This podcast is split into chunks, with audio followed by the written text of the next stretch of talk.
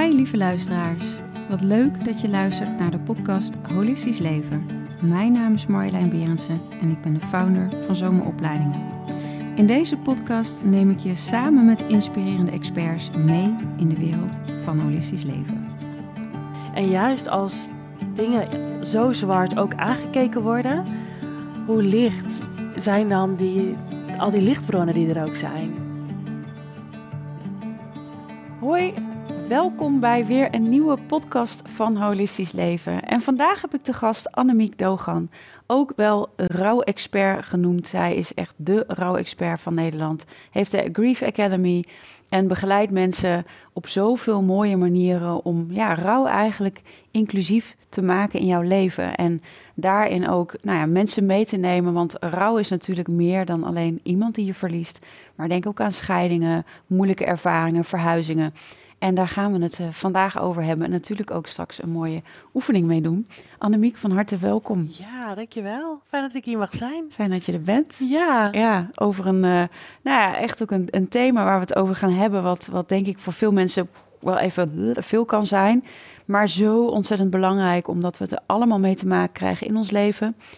Al hebben we het over mensen die we verliezen, situaties die veranderen, uh, scheidingen uh, op allerlei manieren is het een onderdeel van ons leven. En voor mij ook onderdeel van holistisch leven. Ja. Hè, waar dit natuurlijk over gaat. Is niet alleen maar het joepie-achtige fijne feest, maar juist het, het inclusief maken met alles wat daarbij hoort, zowel licht als donker.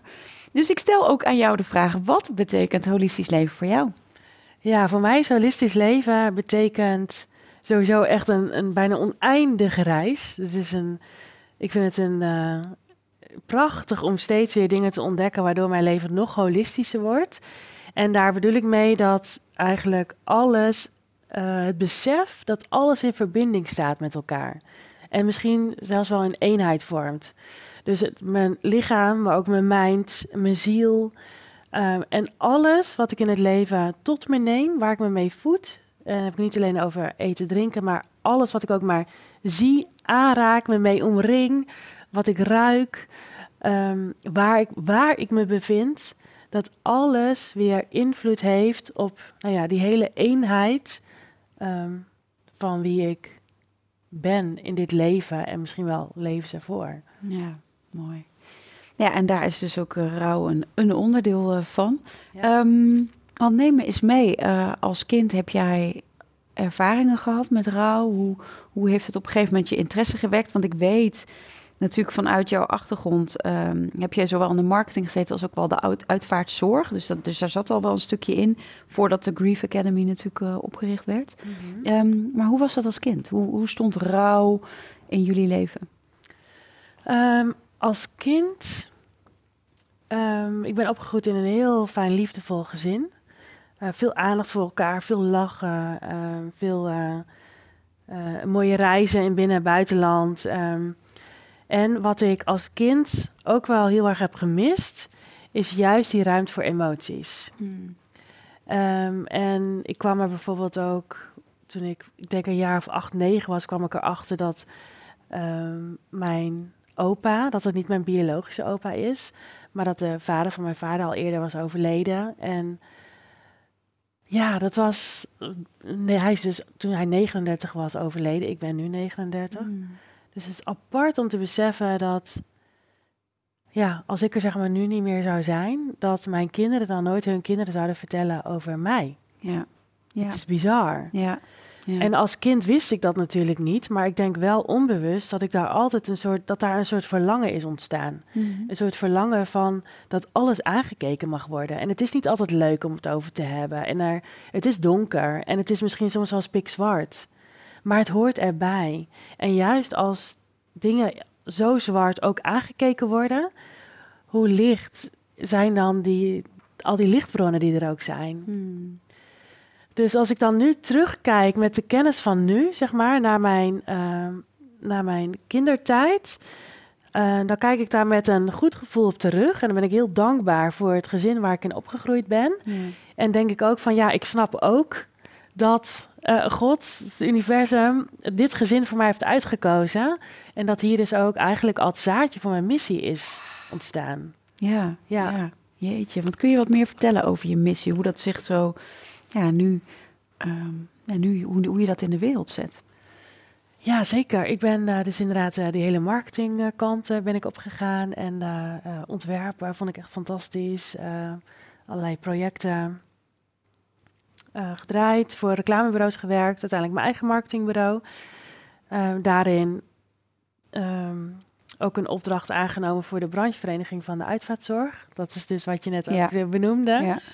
En daar zag ik dus, ja, dat was voor mij echt gewoon een smack in your face. Mm. Gewoon, daar ben ik echt een soort van wakker geworden met het hele licht en donker verhaal. Ja.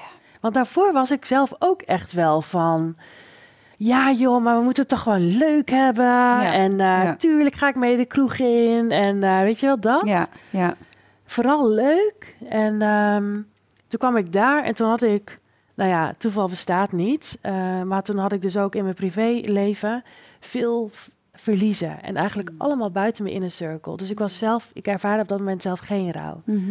Maar er was bijvoorbeeld een collega, een buurvrouw, ouders van vrienden. En op een gegeven moment had ik drie uitvaarten in een week van echt jonge mensen. Mm. Waarbij ik dus eigenlijk ook als een soort um, getuige zat in plaats van echt een deelgenoot van die rouwreis. Mm -hmm, Snap je wat ik bedoel? Ja, ja, ja, ja, Dus ik zat daar vrij nuchter. Precies, ja. En dan had ik de dag erop had ik een vergadering van de, uh, van de branchevereniging van de uitvaartzorg. En er kwamen er vragen vanuit uh, de leden en alles. En toen dacht ik, wauw, het is net alsof jullie elkaar nog nooit ontmoet hebben.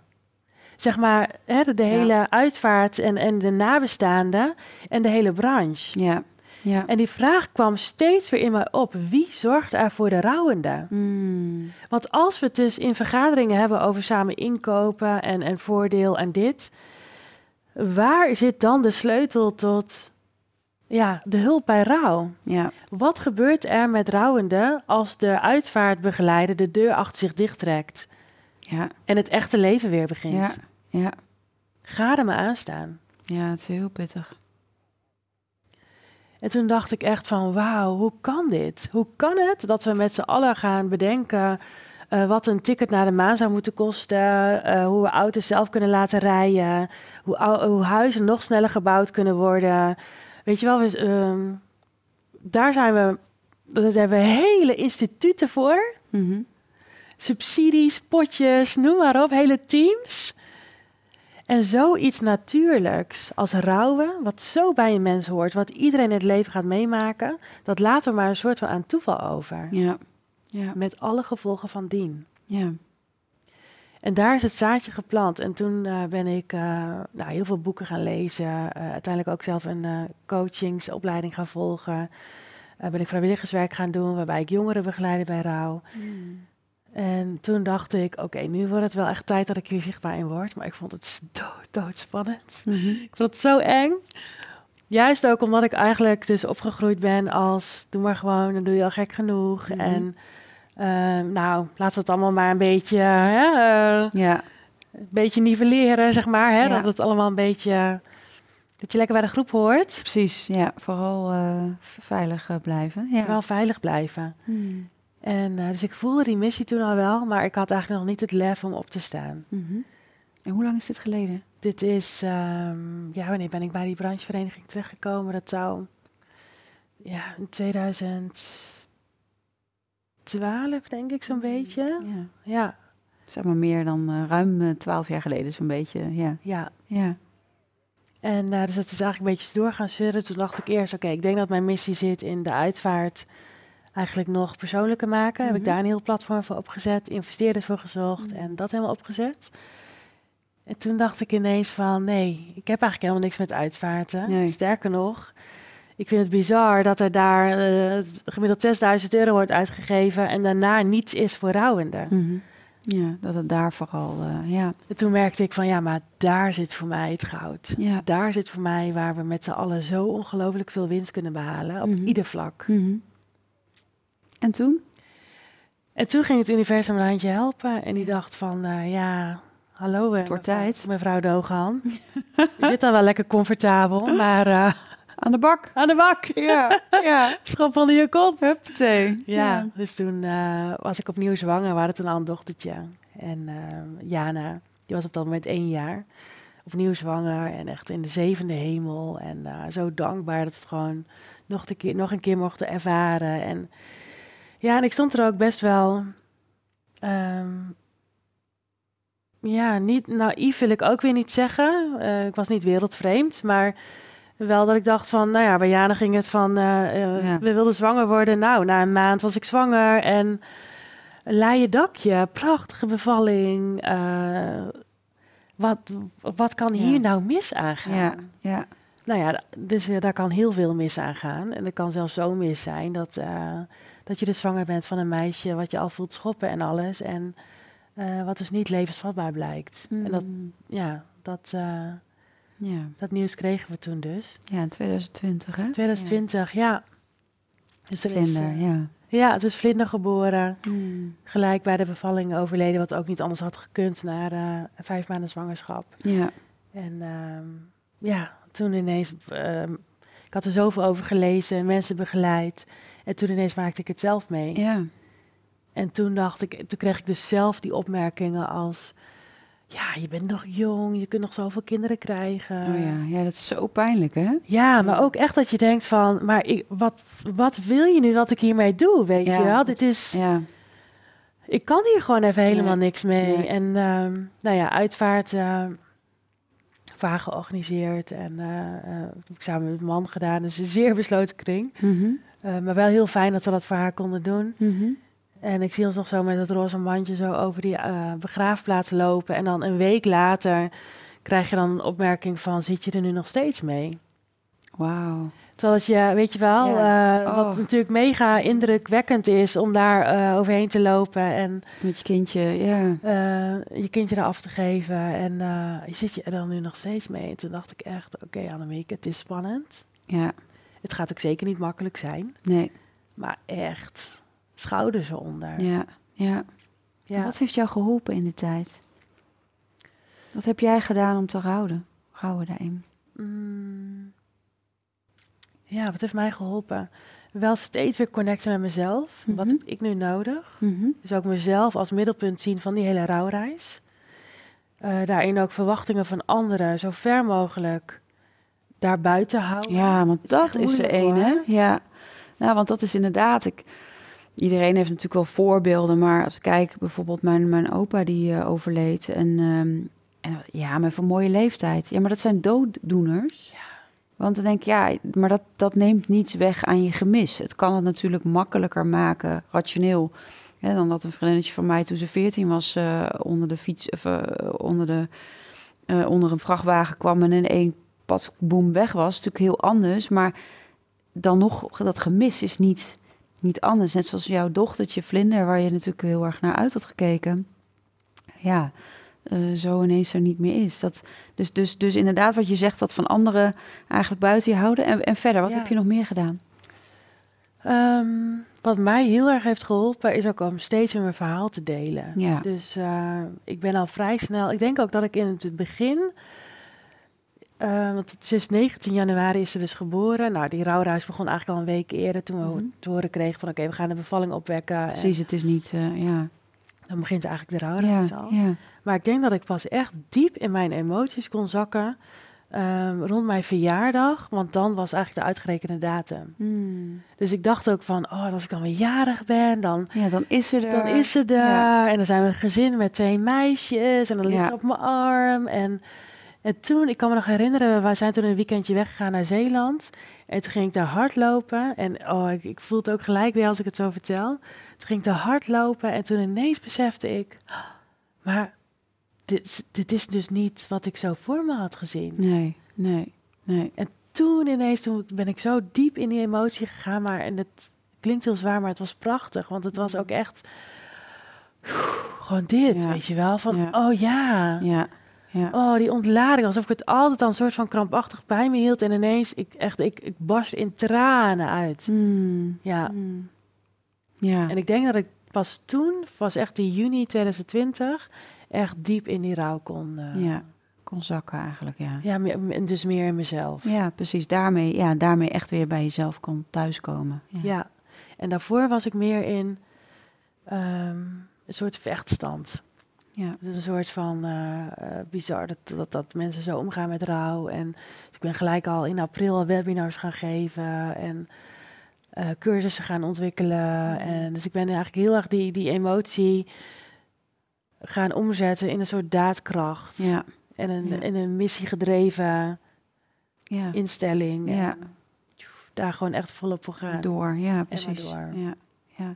Hey, want jij, jij leidt dus ook rouw, ehm, ja, coaches, rouw, experts op, hè? Hmm. Ehm, wat komt hier naar voren? Wat ik, eh, wat ik heel erg zie om me heen is dat, en dat, oh, dat is prachtig daarvan, daarin is dat ik het hoor van eh, de, de consument, hè, de, de mens dat rouwt. Maar dat hoor ik ook vanuit het bedrijfsleven. Van ja, maar Annemiek, vertel dan eens, hoe kunnen wij dat dan doen? Ja, precies. Dus die vraag hoorde ik van twee kanten. En tegelijkertijd waren er ook eigenlijk heel veel coaches die zeiden: Annemiek, wat jij hebt opgezet met de Grief Academy, dat zou ik eigenlijk ook wel willen. Mhm. Hoe heb je dat gedaan? En toen ben ik dat eens onder de loep gaan nemen. Toen dacht ik, ja, maar hier is iets heel interessants aan de hand. Want aan de ene kant eh, hebben we rouw en we, gaan, we zien allemaal rouw als het grote probleem, hè, de- Ja. waar we het dan maar vooral niet over hebben. Mhm. Maar rouw is het probleem niet. Nee. Het probleem is die wereld die maar doorgaat en waar geen plek is voor rouw. Mhm. En met die vragen daarbij pakkend, dacht ik, ja, weet je wat hier echt de oplossing is? Dat zijn rouw-experts. Ja. Rouw-experts die een tijdje met je meelopen. Maar ook rouw-experts. Ik pleit er echt voor dat in elk bedrijf, nou ja, één op de eh 50, bij wijze van één op de 50 personen of één op de 100 personen, dat daar gewoon een rouw-expert voor is intern. Ja. ja. Dus misschien een HR-medewerker die daarvoor geschoold is, of, of een interne coach of wat dan ook. Maar die, die echt, Echt daar, aandacht heeft, ja. Die van de hoed en de rand weet over rouw. Ja. Die weet wat het rouwbrein is, hoe je daar rekening mee kan houden. Want wat is het rouwbrein? Wat merk je daarin? Het rouwbrein is, eh, ontstaat na een verlies, na een intens verlies. En daardoor komt er eigenlijk een stoot aan hormonen, komt vrij in de hersenen, waardoor processen ontregeld raken. Hmm. En dat heeft eigenlijk eh, meerdere dingen waar echt rekening mee gehouden moet worden. Dat is enerzijds dat er eh, dus delen van de hersenen het bijna niet meer doen. Dus je kan eigenlijk zien als het een soort van bevroren is. Je kan Mhm. er eigenlijk niet meer echt bij. Mhm. Bijvoorbeeld het organiseren, bijvoorbeeld overzicht houden, bijvoorbeeld het te plannen, Ja. eh, maar ook eh, ehm, de emotieregulatie. Maar bijvoorbeeld ook impuls, eh, impulsbeheersing. Hmm. En als je dan nagaat dat ook bij schulden je te maken hebt met een rouwbrein en je je impuls aankopen dus eigenlijk niet onder controle kan houden, dan is het natuurlijk bizar dat Ja. er zo weinig kennis, kennis is en zo eigenlijk zo weinig gewerkt wordt Ja. met deze kennis over rouw en het rouwbrein. ja. Mensen zijn zich niet helemaal zichzelf. Nee, zeker niet. Nee, je zou bijna kunnen zeggen, eh, zijn ze wel eh, toerekeningsvatbaar? Mhm.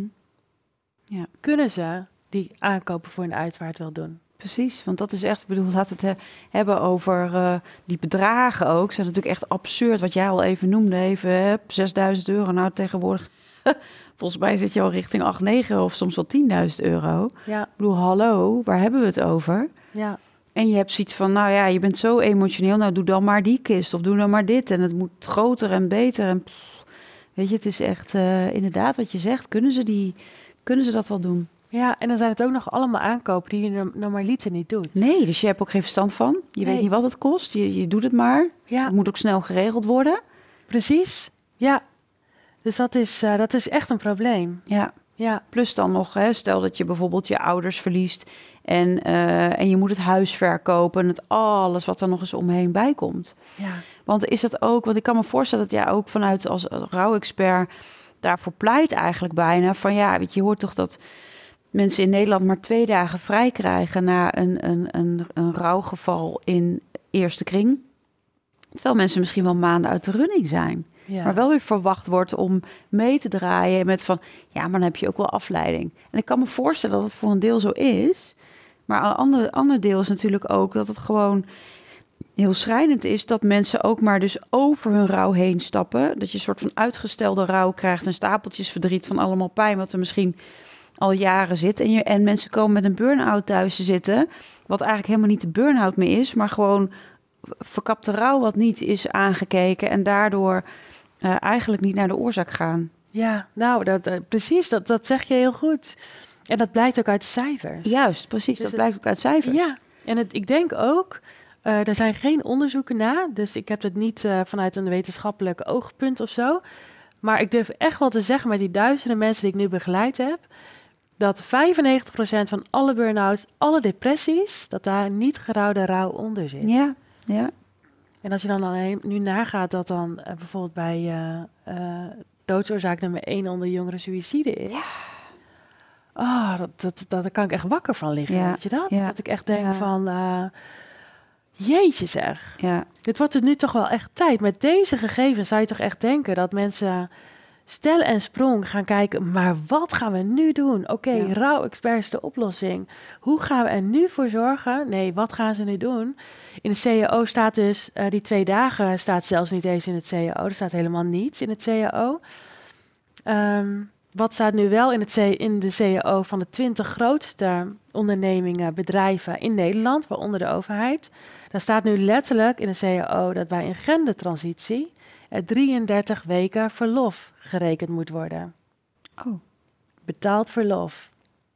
33 weken om aan je nieuwe geslacht te wennen. zijn niet mijn woorden, staat daar letterlijk. En dan denk ik, oké, dus Het daar zijn we. Niks meer. Is, is rouw eruit? Het was toch twee dagen? Daar loop ik al zo achter. Nee, maar het is, dit is, dit zijn helemaal niet. En het, zeg maar, bij die 20 grootste bedrijven, daar, is- daar is het nu gemiddeld ongeveer 10 dagen eh, als rouwverlof. Dus Ja. bij diezelfde bedrijven. Ja, Dus ja. 10 dagen versus 33 weken. ja. En Ja. mensen gaan ervan uit dat rouwen een emotionele aangelegenheid is. En dat je huilen ook wel in je vrije tijd kan doen. Hmm. Waar ze niet weten, is dat rouwen invloed heeft op het brein, wat ik net al ja, vertelde. vertelde, dat rouwbrein. Ja. Doordat er in het eh, brein dus zoveel extra eh, geregeld moet worden, letterlijk, zoveel meer werk te doen in het brein, gaat er veel minder energie naar het lichaam. Waardoor Ja. mensen ook lichamelijke moeheid ervaren. Ja. is- als mensen nu luisteren of kijken en die Die herkennen dat ongetwijfeld. ja. is zeer normaal, er is niets mis met je. Je bent een, een, een stabiel, gezond persoon en je rouwt. Ja. Het is heel normaal. En dit wetende, eh, kan jij niet van mensen verwachten dat zij dus gelijk al ehm, kunnen functioneren. Wat ik wel bijzonder vind aan de hele discussie over rouwverlof, is dat het heel erg gaat over tijd. ja. En wat als iets niet past bij rouw, is het tijd. Want die rouwreis, die gaat de rest van je leven door. Precies, dat blijft. Dat blijft. Ik heb bijvoorbeeld ook een, een eh, man begeleid, hoge functie in het hele bankwezen. Eh, zijn zoontje eh, plotseling verongelukt. En eh, hij wilde de dag na de uitvaart weer aan het werk. En het bedrijf, eh, wat ik op dat moment dus ook eh, eh, hielp... en waardoor die man dus ook bij mij kwam, zei... mag dit? Kunnen we dit toestaan? Ja. de rouwende heeft altijd de regie. Ja. En als iemand zegt, ik wil na de uitvaart weer aan het werk, dan moet dat kunnen, vind ik. Mhm.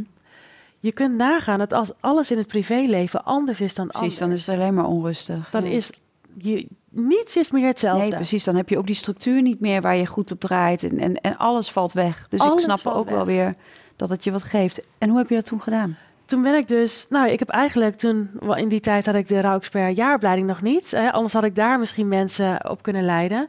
Maar wa- waar ik voor heb gezorgd, is dat er dus op het werk ehm, geanticipeerd werd op een medewerker die rouw ervaart.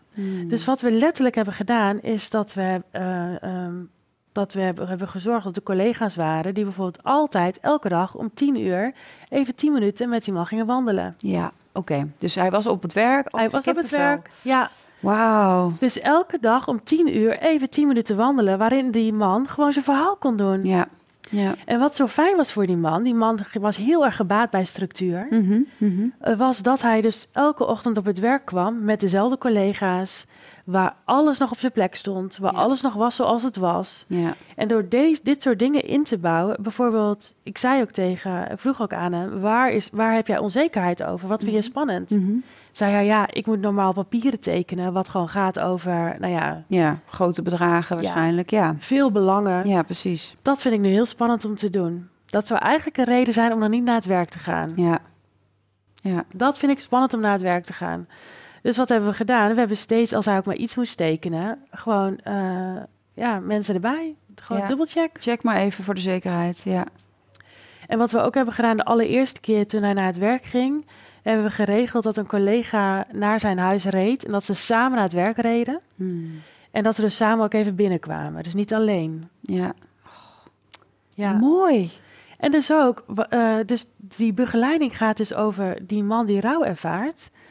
Maar eigenlijk is nog belangrijker dat de collega's eromheen weten. Ja.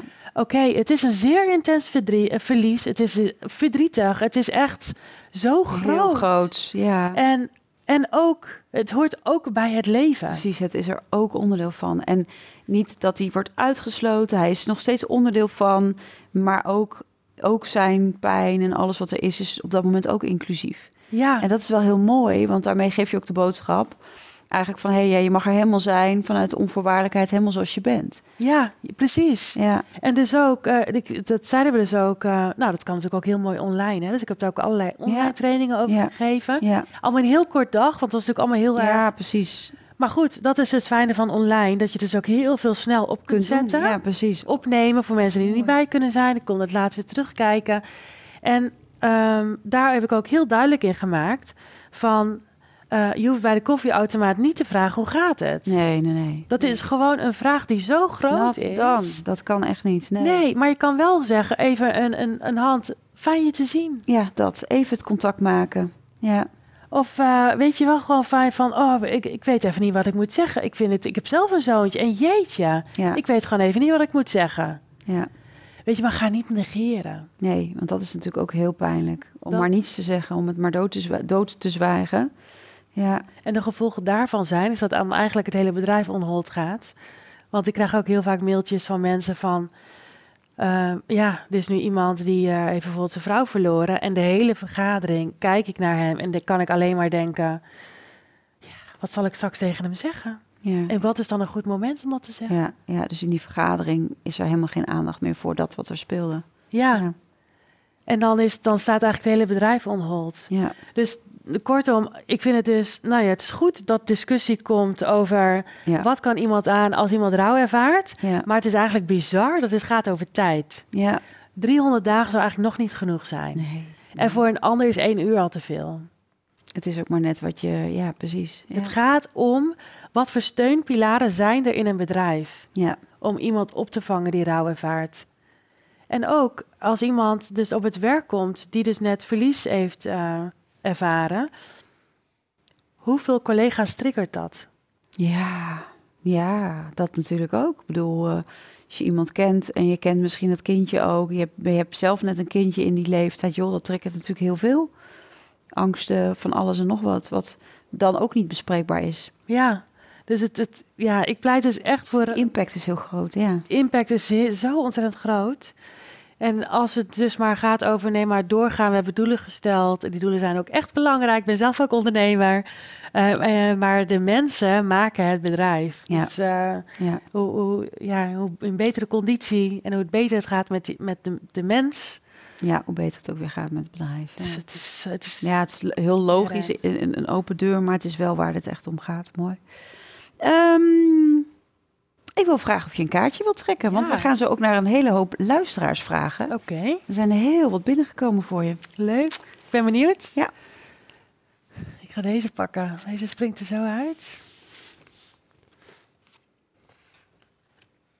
Oeh, nice. Mooie vraag. Met wie zou je uit pure nieuwsgierigheid een kopje koffie willen drinken? Mooie vraag.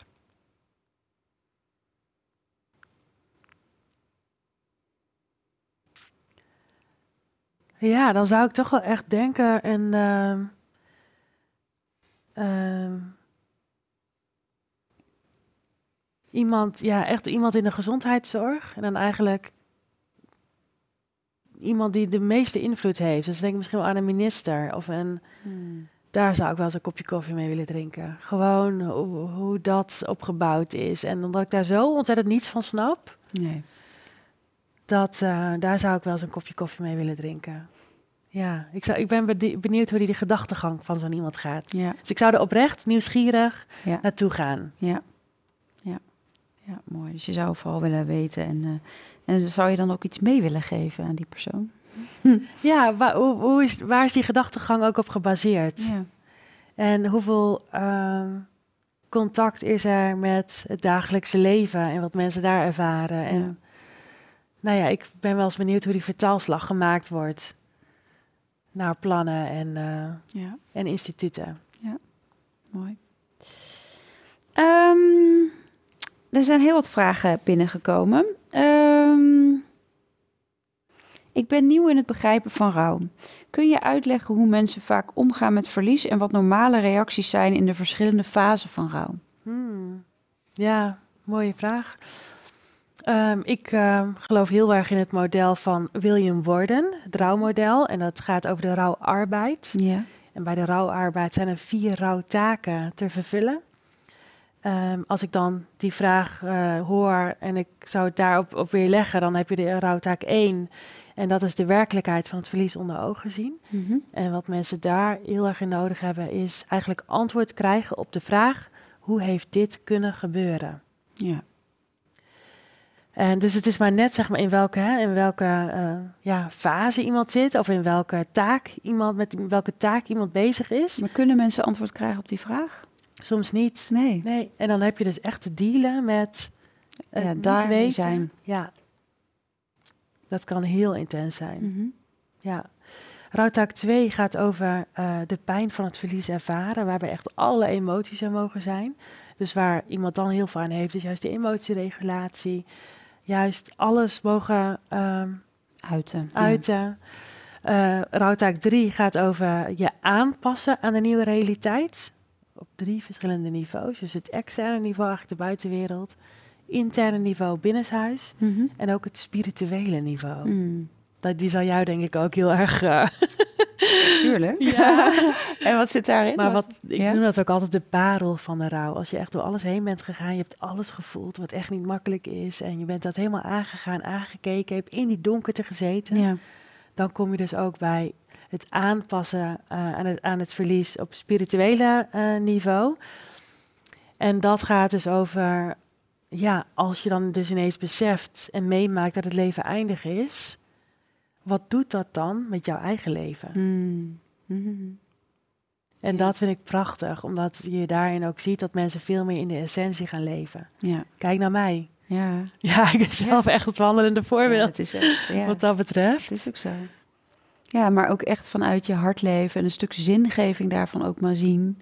Wat jij zegt, hè, van het universum gaf me nog nou ja, de extra duw dat je er zo naar kan kijken. Geeft natuurlijk aan hoe je het ook verwerkt hebt rondom je dochter natuurlijk. Maar ook hoe je dat weer door kan geven aan anderen. Ja. Zo'n inspiratie.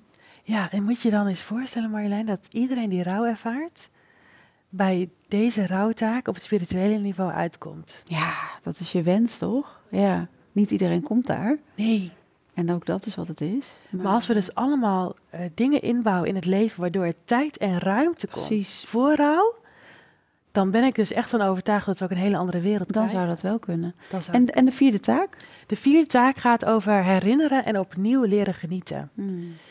En opnieuw leren genieten lijkt heel makkelijk, maar het is ook echt een, echt een taak aan zich.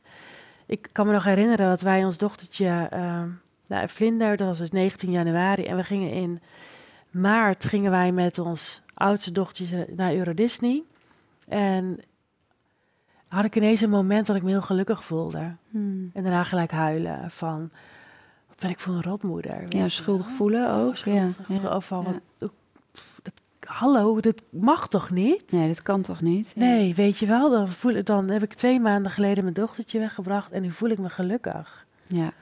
Zo lastig. Dus dat is een beetje, in het begin is het echt dat schuldgevoel en, nou, en op een gegeven moment opnieuw leren genieten.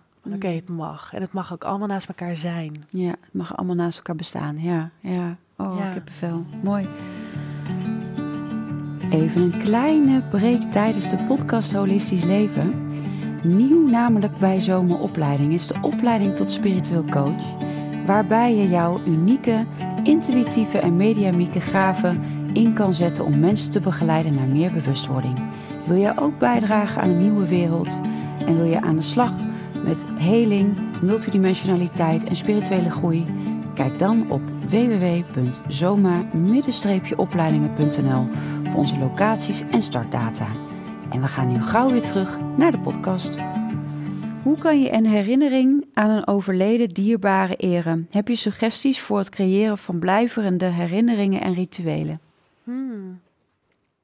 Ook een mooie eh, vraag. Het is ook, wat ik net al zei, de rouwende heeft altijd de regie. Dus Ja. ga ik bij jezelf na wat past bij jou. Want wat voor een één werkt, kan misschien voor een ander wel helemaal niet fijn zijn.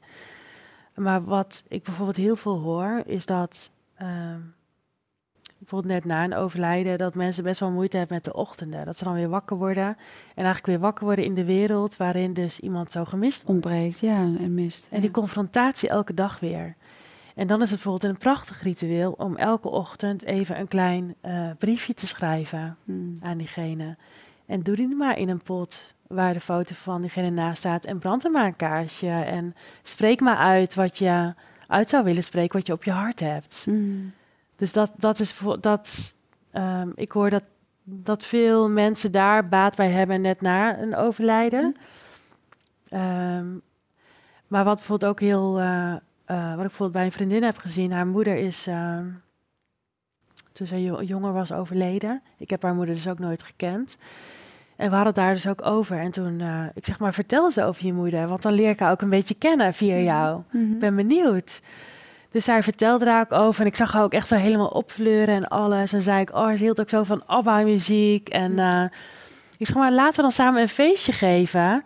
Eh, helemaal in het teken van ABBA. Dat we gewoon ABBA-muziek gaan draaien en gaan dansen. En wat was haar lievelingseten? En wat vond ze, weet je wel? Nou ja, de Italiaanse keuken. En dus wij hebben eigenlijk een avondje georganiseerd in het teken van haar moeder. Mhm. Eh, waarin we foto's hebben gekeken, filmpjes hebben gekeken, het lievelingseten hebben gegeten, eh, gedanst hebben op haar lievelingsmuziek.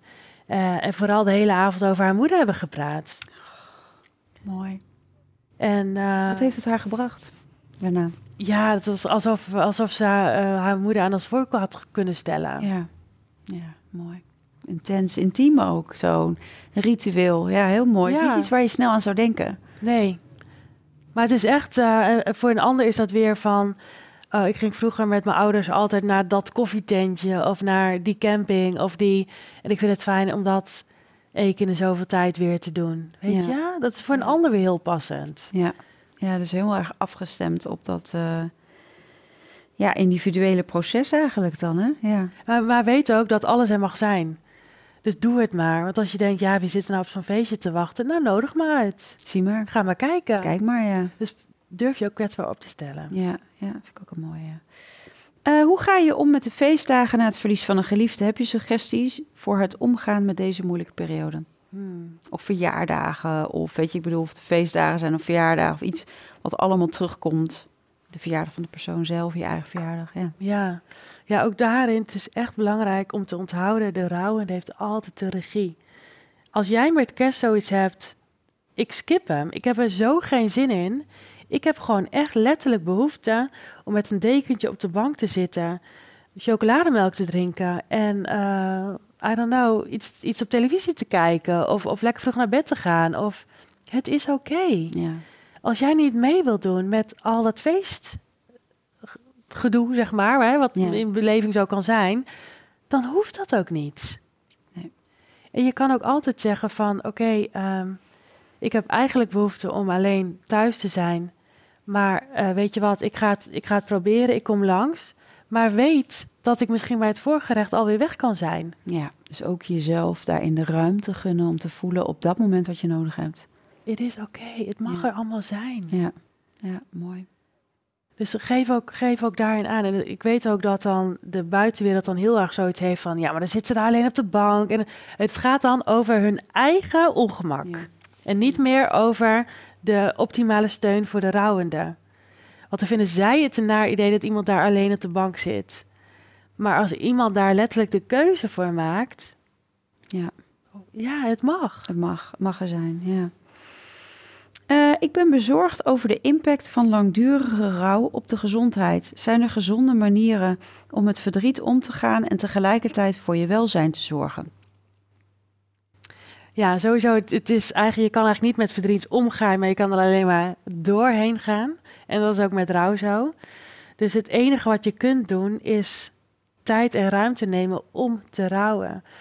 Dus ga af en toe maar, weet je wel, op de stoel zitten. Eh, weet je sluit je ogen en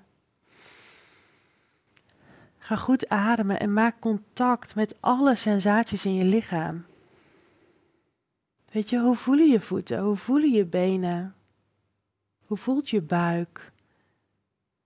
Weet je wel, adem in en adem echt liefde naar je hart en uit wat je te uiten hebt. En als dat huilen is, ga je huilen. En als dat, dus probeer er letterlijk mee te zijn. Ja, te zijn wat zich aandient op dat moment. En wat ik bij mezelf heel erg merkte in het begin, ik vond het dan heel lastig om er echt zittend mee te zijn.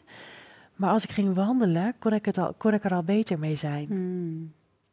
Hmm. Dus voor mij was het ook al heel fijn om dat al wandelend te doen. Ja, ja, ja. Ehm, soms heb ik moeite. Oh ja, die zin, die, die zin die staat een beetje gek. Soms heb ik moeite om mijn emoties te uiten na het verlies van een vriend. Na, na, ja, het, is, het staat een beetje onduidelijk. Heb je tips over hoe je open kunt zijn over rouw zonder anderen ongemakkelijk te maken? Dus die persoon die uit zich bij iemand anders, zonder die anderen ongemakkelijk over te maken. Ja. Nou, als die persoon zeg maar nu tegenover me zou zitten, zou ik zeggen: waarom wil je iemand niet ongemakkelijk maken? Ja, dat Laat het ongemak lekker bij die ander. Ja, dat is niet van jou. Nee. Dus hel maar, schreeuw maar, doe maar. En laat die ander lekker ongemakkelijk zijn.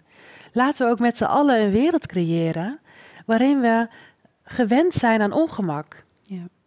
Waarom moet alles... Fijn en prettig. en Ja, en filters en dingen. Ja, Durf ook te zijn met ongemak. En het is natuurlijk, in rouw is dat zo, maar ik merk dat ook een hele ondernemersreis. Misschien herken je dat ook. ja, tuurlijk, tuurlijk. Dat ja. het op een gegeven moment kom je op een punt dat je denkt, ja, maar als ik nu mijn schouders eronder ga zetten, dan gaan anderen ongemakkelijk zijn met mijn succes. Ja, ja. Absoluut. Ja, Ook gemerkt, ja. dus dan is het ook, oké, eh, laat anderen wel ongemakkelijk zijn. Laten we, laten we proberen om met z'n allen gewoon alles te uiten, waar dan ook. Ik kan me nog herinneren dat net na eh, het eh, overlijden van ons dochtertje, ik denk dat het echt misschien een week of zo na de uitvaart was. En ik was aan het wandelen, ik woonde toen nog in Amsterdam en ik was aan het eh, wandelen door, eh, eh, nou, weet je wat, leuke straatjes. En ik, eh, ik had zin in een koffietje. En dan is mijn lievelingskoffie is dan altijd cafeïnevrije cappuccino met kokosmelk. Nou, een hele mond vol. En ik stond daar in kraam, eh, in het koffiezaakje, stond ik in de rij en ik moest even wachten. En ik dacht, ik moet huilen. Hmm. Ineens, bam. Ja, Ik liep lekker. Ik was echt even zo vrij zen en vrij in het moment en met mezelf. En ja, vrij uh, senang. En ineens stond ik in die rij bij het koffietentje. Ik was bijna aan de beurt en bam, als donderslag bij heldere hemel. Alsof er letterlijk een emmer leeggekiept wordt. ja. En ik alleen... Ja. En, eh, gewoon, ik, ik moet zo huilen, weet je Ja. wel. ja. En toen stond ik daar, dacht ik, ja, of zal ik dan maar thee bestellen? Omdat het gewoon net wat sneller is. Want kan ik zo nog wel praten? En nou, toen dacht ik, ja, maar ik heb wel echt zin in die koffie. Dus toen was ik aan de beurt. Ik zei, nou, ja, cafeïnevrij, cafeïnevrije cappuccino met kokosmelk. Oké, het was eruit. En toen kreeg ik die koffie. Nou, het was ook echt tranen over mijn wangen. En iedereen keek mij natuurlijk aan en alles. En toen dacht ik ook, maar wat als we in een wereld leven waarin het normaal is dat er iemand ook gewoon huilend door de Albert Heijn loopt? ja. ja. Wat als het heel normaal is dat je iemand in het bos ook gewoon even hoort schreeuwen? ja. Why not? gewoon- Ja, precies. Ja. Dus als je moet huilen en je, het overvalt je, Laat het je overvallen. Laat het alsjeblieft toe. Want hoe meer we dat gaan doen, hoe normaler het wordt. Ja. Als we het allemaal maar in gaan houden, dan dat is levensgevaarlijk. Weet je wel, dan krijgen we dus al die rare dingen als eh, die depressies en die suïcide en al die enorme doodsoorzaken. En weet je, en wat al niet meer als we het hebben over holistisch ja, leven. Ja, absoluut. absoluut. Ja, mooi. Mooi dat je zo aandacht hiervoor hebt. Ja, heel mooi. Ehm, hoe ondersteun je iemand die rouwt zonder opdringerig te zijn? Wat zijn goede manieren om steun te bieden aan een vriend of familielid die een verlies doormaakt? Hmm. Ja, nou, dat is een heel. eh, eh, een antwoord dat heel eenvoudig klinkt en wat in de praktijk best wel eh, ehm, een opgave kan zijn, maar dat is er door er gewoon te zijn. Dus wat ik bijvoorbeeld altijd, altijd doe als ik een rouwkaart ontvang, bijvoorbeeld eh, vorige week nog, ontvang ik een rouwkaart van een, eh, ehm, van een vriendin. En eh, wat ik dan als allereerste doe, is de geboortedag en de sterfdag even in mijn telefoon te zetten. Mhm. Dat is het eerste wat ik doe voordat ik ook maar een tijd of wat dan ook voor een condolatie heb gezien. Dan zet ik allereerst, er staat natuurlijk ook altijd geboortedatum ja. in. Eh, ging deze ging dan over een moeder. Dus gelijk even de geboortedatum in mijn, in mijn telefoon gezet en ook de sterftedatum. Voor mijzelf, zodat ik weet dat ik op dat moment voor haar kan zijn. Kijk, rondom het overlijden is er vaak heel veel steun en bloemen en kaarten en eh, rituelen, hè, zoals de uitvaart. En daarna, ja, mensen gaan weer verder met hun leven. Dus probeer er te zijn. En dat te zijn doe je door soms ook even op je handen te zitten. Ja. Dat geldt voor coaches, maar dat geldt ook zeker voor buren, vrienden, familieleden Mhm. die er voor iemand willen zijn.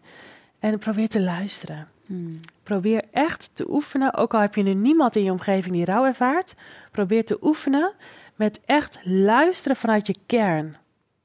Echt vanuit het, nou ja, het he- meest gecentraliseerde punt in jezelf. Ja. Met alles wat je hebt. Probeer te luisteren.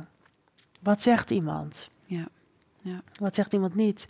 En dan zeggen mensen vaak ook, ja, maar eh, mijn zoon die ervaart ook raar, maar die wil dan helemaal niet praten. Nou, dan praat hij niet. Maar dan nog kun je er zijn. ja, puur aanwezig zijn. Puur Hey, als, je er, als je me nodig hebt, dan ben ik er. Of gewoon op andere manieren. En wat je bijvoorbeeld ook zou kunnen zeggen eh, van, oké, eh, ehm, toevallig heb ik dat vorige week ook bij die vriendin gedaan. Ik zeg, eh, ik bel je vanmiddag om één uur, bel ik je even. Als je tijd en ruimte hebt, neem je op. En anders bel ik je een andere keer terug. Snap je dus ook dat mensen, oh, dan gaat het ja, eigenlijk denk ja, hmm, hoe doe je dit, weet je wel? Ja. En zo kun je dat ook al doen met, stel je voor dat een buurvrouw rouw ervaart of, of een familielid wat wat dichterbij woont. Dat je zegt, oké, vanavond om zeven uur bel ik bij je aan, want ik ga even een eind wandelen. En als je zin hebt, doe je open en wandel je een eindje mee. En als je geen zin hebt, dan laat je lekker die deur dicht. ja, dus op die manier die ruimte te geven en te laten weten dat je er toch bent. Ja, want als je Ja. dus alleen maar zegt, oké, eh, je mag me altijd bellen, Precies, dat is, is dat too much. veel te veel. En Ja. het is ook een drempel. Mensen gaan het toch niet doen. Mensen gaan het toch niet doen. Nee, want dan denk je, ik wil de ander niet bezwaren. Of eh, ja, weet je, dat, dat is het. Ja. Ja. En daarom heb ik ook dat boek geschreven van, dit heet ook letterlijk Ik ben er. ja. Met gewoon allemaal dingen die je kunt doen om er gewoon wezenlijk te zijn. Ik bedoel, Ja. het is al eh, bijvoorbeeld als een, een, een vriend of vriendin van je rouw ervaart, of misschien een, een dochter, of misschien je moeder. Weet je wel, ehm, maar eh, stel een movie night voor, weet je. Of eh, van, de, goh, zullen we vanavond lekker Bridget, samen met Bridget Jo- Jones gaan kijken? Of, I don't know, weet je wel, iets wat, wat jullie samen fijn, een leuke film vinden. Ja. Dan kom ik bij je, ik neem de popcorn mee en eh, dan gaan we lekker onder een dekentje gaan we die film kijken. Ja. Nou, en als er gehuild wordt, wordt er gehuild. En als er gelachen wordt, wordt er gelachen. Gewoon in het moment. Ja. Ja. En waar ik zelf veel van had, toen, ehm, met name ook in de week, toen wij wisten van, oké, de bevalling wordt opgewekt. Nou, dat, duurde, dat duurde toen nog zes dagen. Mm. Eh, toen kwamen natuurlijk ook heel veel mensen langs om even steun te bieden en alles. En toen vond ik het best wel lastig dat mensen dan, ja, dan zit je dan naast elkaar op de bank. Ja, wat moet je er nou op een gegeven moment nog over zeggen? ja, dat heb je toch gezegd. Ja. En op een gegeven moment heb je ook wel gehuild en Ja. dingen en wat, ja, hè? ongemak is ook, ja, precies, dan heb je dat ook weer, ja. En wat ik dan deed, dan legde ik gewoon een legpuzzel op tafel en ik ging gewoon puzzelen. En dan kwamen er mensen binnen en dan zei ik van, nou, ik was net even aan het puzzelen, doe je mee? Hmm. En dan waren we samen gewoon de stukjes aan het zoeken van... eh, Ja. oh, ik heb die pet hier, heb ik die en die. En dan, Ja. en dan tussendoor even, goh, hoe laat is het eigenlijk zondag? Hmm. Nou, we moeten om half negen moeten we daar zijn en dit en dat, zo en zo. En eh, gewoon even, ja. creëer ook zelf die Ja. momenten waarin het voor jou fijn is. ja, wat gaat. Ja, precies. Zal ik bij je komen met de fiets, dat we even een eindje gaan fietsen? Of wat is voor jou prettig? Ja. ja, fijn dat je het zo bespreekbaar maakt. En zo laagdrempelig op die manier ook, door er te zijn. Hè? Want je boek ook, ik ben er. Ja, dat gaat heel erg over aanwezig zijn. En ook daarmee met ongemak kunnen zijn. Ja, dus ook dat inderdaad, dat, maar dat is echt lastig hoor. Dat is oefen, oefenen. Dat, ook- dat, ik zou het echt de kijkers willen geven van oefen er ook in. Ja. Van Ja. sowieso met luisteren en ook met, oké, dan moet iemand huilen. Wat, wat raakt het bij jezelf? Precies, wil je dat gaan fixen? Wil je gelijk wat gaan doen? Wat wil je in een overdrijve? Of kan je ook zijn met dat het op dat moment zo is voor de ander? Ja, En dat je het niet kan weghalen, dat je het niet kan wegnemen. Dat je het kan uithouden dat een ander ongemak ervaart ook. ja, En daar zelf ook ongemak door ervaart. Ja. ja. ja. We hebben een oefening. Ja, Vertel, zeker. wat gaan ja. we doen? Ehm, een hele fijne oefening vind ik zelf. Dat, dat, deze oefening gebruik ik bij mezelf. Ik heb hem laatst nog op het podium gedaan bij mijn event. Ehm, en ik, ik doe, gebruik deze oefening ook om cliënten te begeleiden. Ehm, deze oefening heet de detective interventie. Zo noem ik hem. En hij klinkt eigenlijk, hij is net zo spannend als dat hij klinkt eigenlijk. en wat je eigenlijk doet, is dat je met een loop door het leven van iemand heen gaat om te kijken waar zit nog rouw wat nog verder aangekeken mag worden. Waar zit rouw wat nog meer doorleefd mag worden. En dat is belangrijk omdat niet gerouwde rouw levensgevaarlijk is. Dus het is heel belangrijk om alle rouw in je leven aan te kijken. Nou, wat je doet, en nogmaals, dit kun je dus bij jezelf doen, maar dat kun je ook heel mooi bij cliënten doen. Pak een A4'tje, of als je de ruimte hebt, een misschien nog groter vel, dat is ook heel mooi. Of misschien, nou ja, leg een hele eh, tijdlijn op de vloer, weet je wel, Mhm. wat bij jou past. En wat je dus gaat doen, je gaat dus die tijdlijn ga je maken van iemands leven. Nou, jij bent in eh, 1982 82. geboren. Waar je dan mee begint, is dat je 1982 eigenlijk, hè, links onderin bijvoorbeeld, eh, op het Ja. A4'tje zet. Ehm, en zo ga je eigenlijk alle jaren in het leven van iemand tot en met nu ga je opschrijven. Dus dat nogmaals dat kun je ook bij jezelf doen. Ja. En je gaat eigenlijk ga je steeds intunen op het jaartal waar je je in bevindt. Dus 1982, weet je, als je daar contact mee maakt, Mhm. Wat voel je dan? Wat Ja. komt er dan op? Ja. misschien voel je dan al wel een soort onrust. Of een, weet je wel, dat heeft natuurlijk ook eigenlijk die negen maanden ervoor met de zwangerschap heeft er al mee te maken. Hoe is de bevalling gegaan? En zo ga je eigenlijk alle jaartallen ga je af. En ga je, ga je bij alles kijken, wat is er daarop in mijn leven gebeurd? Ja. Dit, deze hele interventie heeft als doel om rouw, om eigenlijk rouw te ontdekken waar eigenlijk nog niet zo, eh, waar mensen nog niet bewust van zijn. Ja, niet voldoende doorvoeld hebben, niet voldoende nagekeken hebben. Ja, of misschien wel helemaal niet weten dat het rouw is. Ja, ja. Want het kan maar zo zijn dat jij zegt van, eh, oké, eh, nou, ik heb het nu helemaal staan, eh, 1982 eh, tot en met nu. Nou, wat zou je al zo in kunnen vullen? Nou, jij vertelde net bijvoorbeeld over dat vriendinnetje wat Ja. overleden is. Nou, dat zou je op de datum, het tijdstip af, zou je dat in kunnen vullen. Ja, ja, ja. Er zijn ook rouwvormen waarin je zegt van, ja, dat begon ongeveer hier. ja. Bijvoorbeeld een Ja. moeder die een psychische stoornis kreeg. Ja. Ja, Onderschat niet wat voor rouwreis daarop te maken is. enorm. Ja. Of bijvoorbeeld, eh, hier begon het al dat ik eh, gepest werd op school. Of, hé, hey, wacht eens even, als ik dan nu die tijdlijn zo zie. Toen ik zes was, zijn wij verhuisd. En ik heb mij nooit zo gerealiseerd wat voor impact dat heeft. Want ja, we gingen naar een mooie huis, een groter huis en ehm, een nieuwe kamer. En ik was als kind daar eigenlijk heel erg mee bezig. Maar als ik dan nu terugkijk, was dat, betekende dat ook afscheid van die hele fijne buurvrouw. Waarbij ik dagelijks even langs ging ehm, voor een praatje. Ja, ja. Ja, want je neemt ook echt ergens afscheid van. Ja. Dus zo kun je in die hele detective interventie, kun je dus bij een cliënt kijken van, eh, je leert die cliënt natuurlijk enorm kennen. wat heeft iemand in zijn leven meegemaakt. Je hele levenslijn Ja, ga je ligt, af. eh, ja, precies. Ligt op tafel. Ja. Een levensboek eigenlijk. Ja. En je kan er ook, als je deze hele detective dus het- de interventie in hebt gevuld, kun je dus ook kijken, hé, hey, waar zie ik overeenkomsten? Hmm. Dus hier is afscheid genomen van een buurvrouw waar altijd een praatje mee werd gemaakt. Hier is, was ineens ontslag. En wat werd hier gemist? Het praatje met de collega's. Hmm. En wat we wat op latere leeftijd, ehm, ehm, toen moeder ging dementeren en daar eigenlijk niet meer zoveel communicatie ehm, mee mogelijk was. Ja, ik mis het praatje met mijn moeder, bij Mhm. wijze van. Hè? Ja, ja, precies. dus je kan ook heel mooi, kun je hier thema's in ontdekken. Ja, wat jouw gemis is dan op dat moment. Ja, Ja. En hoe pak je dat aan als je dat weet? Wat is dan de volgende stap eh, Ja, als je zoiets zou... eh, dan is het ook echt afpellen, wat zit daaronder? Ja. Waarom is het zo belangrijk voor je? Ja, Waarom is het zo belangrijk voor je om... dat praatje dan, hè, als we even erop inzoomen, Ja. dat praatje te hebben. Misschien is er wel een... eh, natuurlijk willen we allemaal verbindingen. Ik bedoel, dat is natuurlijk een universeel... Mhm. iets in het leven. Maar er kan best iets nog iets diepers onder zitten. Dat is het vaak. Het is vaak welke lagen Ja, je pelt echt af. zitten Ja. daaronder. Ja. En het kan bijvoorbeeld maar zo zijn. ehm, ik heb bijvoorbeeld men- eh, mensen begeleid. eh, waarbij ik dit dus echt zag. En dat daar dus echt een hele diepe eenzaamheid van binnen in zat. En dat er dus eigenlijk steeds een soort bevestiging van buiten nodig was. om zich maar heel te voelen. Ja, ja, ja, ja. ja. En, wat Over heb je, holistisch leven. en wat heb je gedaan op dat moment met iemand die eens zo eenzaam was? Ja, dat is dus zelf heel veel zelfliefde, zelfzorg, contact met jezelf. Dus eh, eigenlijk allerlei oefeningen aangereikt om nog meer met jezelf in jezelf te verankeren, ja, zijn. Ja. Ja, ja. Ja, Ja, en uiteindelijk denk ik dat heel veel thema's op die eenzaamheid terug te werpen zijn, toch? Het momenten dat je... Kijk, als ik kijk, als ik me kan voorstellen in momenten van rouw...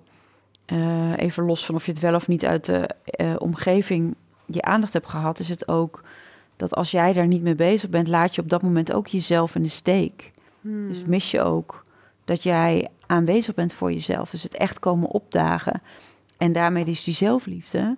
Ja, blijft dus natuurlijk een thema. Zeker denk ik in de maatschappij waarin we leven. Waarin je eigenlijk niet echt eh, dagen hebt voor rouw. Daar er echt aandacht voor is. Ja, zal dat stukje eenzaamheid denk ik best wel een, een collectief thema kunnen zijn. ja, zeker. Merendeel voelt zich ook heel eenzaam in de rouwreis. Juist, dat bedoel ik. Weet je, dat Ja. je, om het, omdat het dan al moeilijk is om kenbaar te maken, omdat mensen dan inderdaad, wat je zegt, god, de eerste week zijn ze er. En op een gegeven moment zijn ze er niet meer. En natuurlijk zeggen mensen, je kunt me altijd bellen, maar dat doe je niet. Mhm. Hè, dus, dus dat precies wat je zegt, dat eenzame. En wat zijn bijvoorbeeld oefeningen die je dan meegeeft? Is er iets wat als iemand nu luistert die denkt, oh ja, ik herken dat zo, dat eenzame. Of van, oh, dan moet ik het weer alleen doen. Of wat, Ja. wat geef je mee? Nou, vaak zit daar ook wel een bepaald kindpijn zit daaronder. Ja, precies. Ja. Dus het eh, moeite hebben om te leunen. Dat was voor mij bijvoorbeeld ook echt een thema toen ik met coaching aan de gang ging. Van durven leunen. ja, kan ik echt even, ja. Ja, dus, en dat heeft ook met zelfzorg te maken. Hè? Dat je dus ook zegt, help. ja. En wat ik eh, dan ook doe, is dus eh, eigenlijk contact maken met het innerlijke kind. Mm. En daar eigenlijk, daar die liefde, weet je wel, daar, daar te kijken wat daar nog te helen is. En Ja, wat zou je dat innerlijke kind nog mee willen geven? En het innerlijke kind vertellen dat het nu veilig is. En dat het veilig is om te leunen. En daar kleine oefeningen in te doen. mooi. Ja, dus bewijzen van eh, te vragen van. eh, ehm, ehm, goh, kun je me straks even helpen als ik naar de auto loop? want ik heb zware tassen mee. Of, Mhm. ehm, Mhm. Of als je oh, ergens op visite bent en je krijgt een kopje koffie, eh, oefen maar eens om te vragen: mag ik ook een glaasje water bij? Ja, ja, ja, ja. Nou, dat, daar zegt niemand nee tegen. Nee. Dus het is ook een oefening waar je een, een positieve ervaring mee Ja, krijgt. Stuk, en dus praktisch ook zelfzorg voor jezelf daarin. Ja, dus dat, dat zou al een oefening voor jezelf kunnen zijn. Ja. Om gewoon heel langzaamaan te leunen. En dan denk je, hé, hey, ik, val- ik leun en ik blijf gewoon staan. En eh, En, en ook los van het leunen en het praktische zit het natuurlijk ook in... gun ik het mezelf? Vind ik het mezelf waard? Dat ook iemand anders... eh, hè, dat jij kan ontvangen in de eerste Mhm. plaats. Maar ook dus het... ehm, nou ja, te zien wat het een ander brengt. Hè? Dus als ik jou een cadeau geef en jij kan het niet ontvangen, is het voor mij ook niet leuk om dat te geven. Ja. Zoals jij het ontvangt, geef je daarin ook weer je dankbaarheid aan mij. Weet je, dus dat, dus, dus het zien dat je op anderen kan leunen en een ander daadwerkelijk ook de gelegenheid geeft, maakt ook dat die band die er is ook natuurlijk nog meer verbinding, nog meer verdieping in die verbinding ontstaat. Ja, klopt. Dat is, dat is echt wel belangrijk wat je zegt. Want dat hoor ik ook vaak van rouwenden, dat ze dus geen aansluiting meer vinden met hun huidige omgeving omdat de, hun behoeften heel erg veranderen. Dus Ja. ook door hè, die rouwtaak 3 aanpassen aan Ja, eh, de nieuwe aan de nieuwe- realiteit, ja, precies. spiritueel niveau. Eh, zij zijn ineens helemaal teruggeworpen naar de essentie van Precies, het leven. weer de, ja, ja, Dus een, eh, ik kan me dat zelf ook nog wel herinneren, dat ik gewoon sommige groepjes waar ik bij hoorde, dat ik daar dacht van, het, de bezieling is gewoon anders. En het is niet een goed of fout of, of een, een, een Nee. afwijzing van, van mensen of zo. Het is allemaal oké, alleen ik heb nu behoefte aan ja, iets aan anders. iets anders. Ja, Meer diepgang en ja. meer echt, echt die connectie voelen op zielsniveau in plaats van... ja, weer de oppervlakte opzoeken en het luchtige en het gezellige en het blije, waar ook gewoon een laag onder zit. Ja, Ja, En dan is het ook voor jezelf ook, als je het hebt over die zelfzorg, ehm, gun jezelf ook dat je mensen ontmoet die dat ook zo ervaren, want het zijn er genoeg. ja. en die ook die diepgang zo belangrijk vinden. Precies. En als je die mensen, dus als je eigenlijk een andere, als je bij jezelf nagaat, oké, waar zou ik die mensen dan kunnen vinden? Of misschien als er nu mensen luisteren of kijken die zich echt die eenzaamheid voelen, of het nou bij rouw is of, hè, of, of anderzijds in het leven. Wat vind je leuk om te doen? Hm. Weet je wel, stel dat dat eh, volleybal is. Of stel dat dat, dat je zegt, nou als kind vond ik het altijd heel erg leuk om eh, eh, ehm, te knutselen, te potten te bakken. Of om eindeloos te wandelen. Of om wat dan ook. Ga eens kijken, er zijn, er overal zijn clubjes voor. Ja. Ga eens googlen. Dus ook daarin gelijkgestemden vinden om, ja, precies dat, dat stuk. Ja. Ja, durf ook mensen los te laten, zodat je ook andere mensen weer ruimte hebt voor andere mensen. Ja, ja mooi. Ehm, nou, dit is dus de opdracht voor mensen thuis. Dus daarmee kunnen ze lekker aan de slag. Nou, je hebt Ja. ook echt een aantal tips gegeven van, nou, oké, als je dan dus die rode draad zo hebt opgeschreven, om daar dan de verbanden te vinden, te kijken vanuit die verbanden, wat ligt daaronder en wat heb ik daarin dus nodig. Nou, daarin geef je ook aan van, oh ja, dus die, dus die gelijkgestemdheid is belangrijk. En daarin eh, natuurlijk het allerbelangrijkste, dus die zelfliefde. Als ik hem dan even zo Ja, samenvat, hè. Zeker. Ja. Ehm, dus voor mensen thuis, ga daar lekker mee aan de slag. Nou, heb je nog vragen, kunnen ze natuurlijk naar jou eh, hè, uitreiken. Ja. Ehm, als we dan zo richting een afronding gaan van deze podcast, zijn er nog andere tips die je wil meegeven? Dingen die we niet hebben genoemd of naar de toekomst toe, dingen die we van je kunnen verwachten? Hmm. Vertel wat. eh, ja, Ja. ik ben benieuwd. Ja, nou, ik ben nu dus. De afgelopen jaren heb ik dus heel erg eh, me gefocust op het helpen van rouwenden. En eh, daar eigenlijk alles voor faciliteren en opzetten. En nu is dus heel erg mijn focus om rouwexperts op te Te leiden. ja. Dus wat je de komende tijd van mij kan verwachten, is eigenlijk alles omtrent die rouwexpert. En ja, ik eh, de dag dat er genoeg rouwexperts zijn en mijn hulp niet meer nodig is, ja, dan gaat mij de vlag uit. Ja, ja. Dus eh, dat is waar ik, waar ik wel heel erg mee bezig ben. En wat ik ook wel heel erg daarin mee wil geven, is dat mensen ook heel vaak. ehm, waar ik zie vaak onzekerheid bij mensen van, maar zou ik dan ook die rouwexpert kunnen zijn? Hm. Ehm, want ik heb helemaal geen eh, psychologische achtergrond of wat dan ook. En ik denk juist dat het heel erg mooi is in de wereld als hij op elke hoek van de straat een rouwexpert is, zodat er overal geholpen kan worden om die tijd en ruimte te nemen voor rouw. ja. En het, het is soms inderdaad alleen al van, eh, oké, op elke woensdagavond ga ik met ehm, die buurvrouw wandelen en ik leer steeds beter luisteren en ik leer steeds beter die lichaamstaal op te vangen, zodat ik, nou ja, met allemaal zintuigen kan luisteren en kan waarnemen. En ja, dus dat wil ik wel heel erg benadrukken. Ja. Van rouw is wel iets wat er heel erg bij hoort. En het is niet een eh, eh, we- weggelegd voor alleen mensen Nee. die X, Y, Z gestudeerd Ja. hebben. Ja, mooi, mooi. Lieve Annemiek, dank je wel. ik vind het echt heel bijzonder ook hoe je daar zoveel... ehm, nou ja, je ziet er al zo licht en stralend uit. Hè? Dat hadden, daar hadden we het al over. En hoe fijn je daarmee een plek geeft in ieders leven. Dus niet van, oh ja, dood wordt pas aan het einde van het leven, moet je een keer over na gaan denken. Maar het wordt in ieders leven en dat, dat, dat gaat over verder dan alleen ja, dood, maar ook over rouw, over allerlei verschillende thema's die we allemaal in ons leven kunnen hebben. Hè? Scheiding, eh, eh, pijn, verdriet van een baan, verlies van je gezondheid, verlies van... Ja, dat kan natuurlijk heel veel zijn. Het is natuurlijk heel breed. Ja, Het is mooi dat daar zoveel aandacht voor is. En ook mooi ook, nou, vind ik ook de tips, het praktische wat je maakt. Dus eh, ja, ik denk dat het, eh, dat het een hele mooie, waardevolle podcast is. In ieder geval, van, ik heb er een hele hoop van geleerd en ik hoop de mensen thuis ook. nou, wat fijn. En dank je wel dat je aandacht ook besteedt aan rouw. Ja, Heel belangrijk. ja. Dank je wel. Dankjewel. Dankjewel, lieve allemaal, voor het kijken en luisteren naar deze podcast. En eh, laat weten wat je van deze podcast vindt. Deel hem in ieder geval ook even in je omgeving. Ik denk een heel mooi onderwerp. En ik hoop je volgende week weer te zien bij een volgende podcast. Doeg! Dankjewel voor het luisteren naar de podcast Holistisch Leven. Holistisch Leven is een prachtige ontdekkingsreis. We reiken je graag de tools en kennis aan om je in deze reis te begeleiden. Ben jij door deze podcast geïnspireerd om de volgende stap richting een holistisch leven te zetten? Kijk dan op onze website www.zoma-opleidingen.nl voor meer informatie over de cursussen en opleidingen die we aanbieden. Je kunt je daar ook inschrijven voor onze nieuwsbrief. En vind je deze podcast leuk? Volg ons dan via je favoriete podcast-app of abonneer je op ons YouTube-kanaal. Zo verspreiden wij samen meer licht, liefde en bewustwording. En maken we de wereld een stukje mooier. Tot volgende week!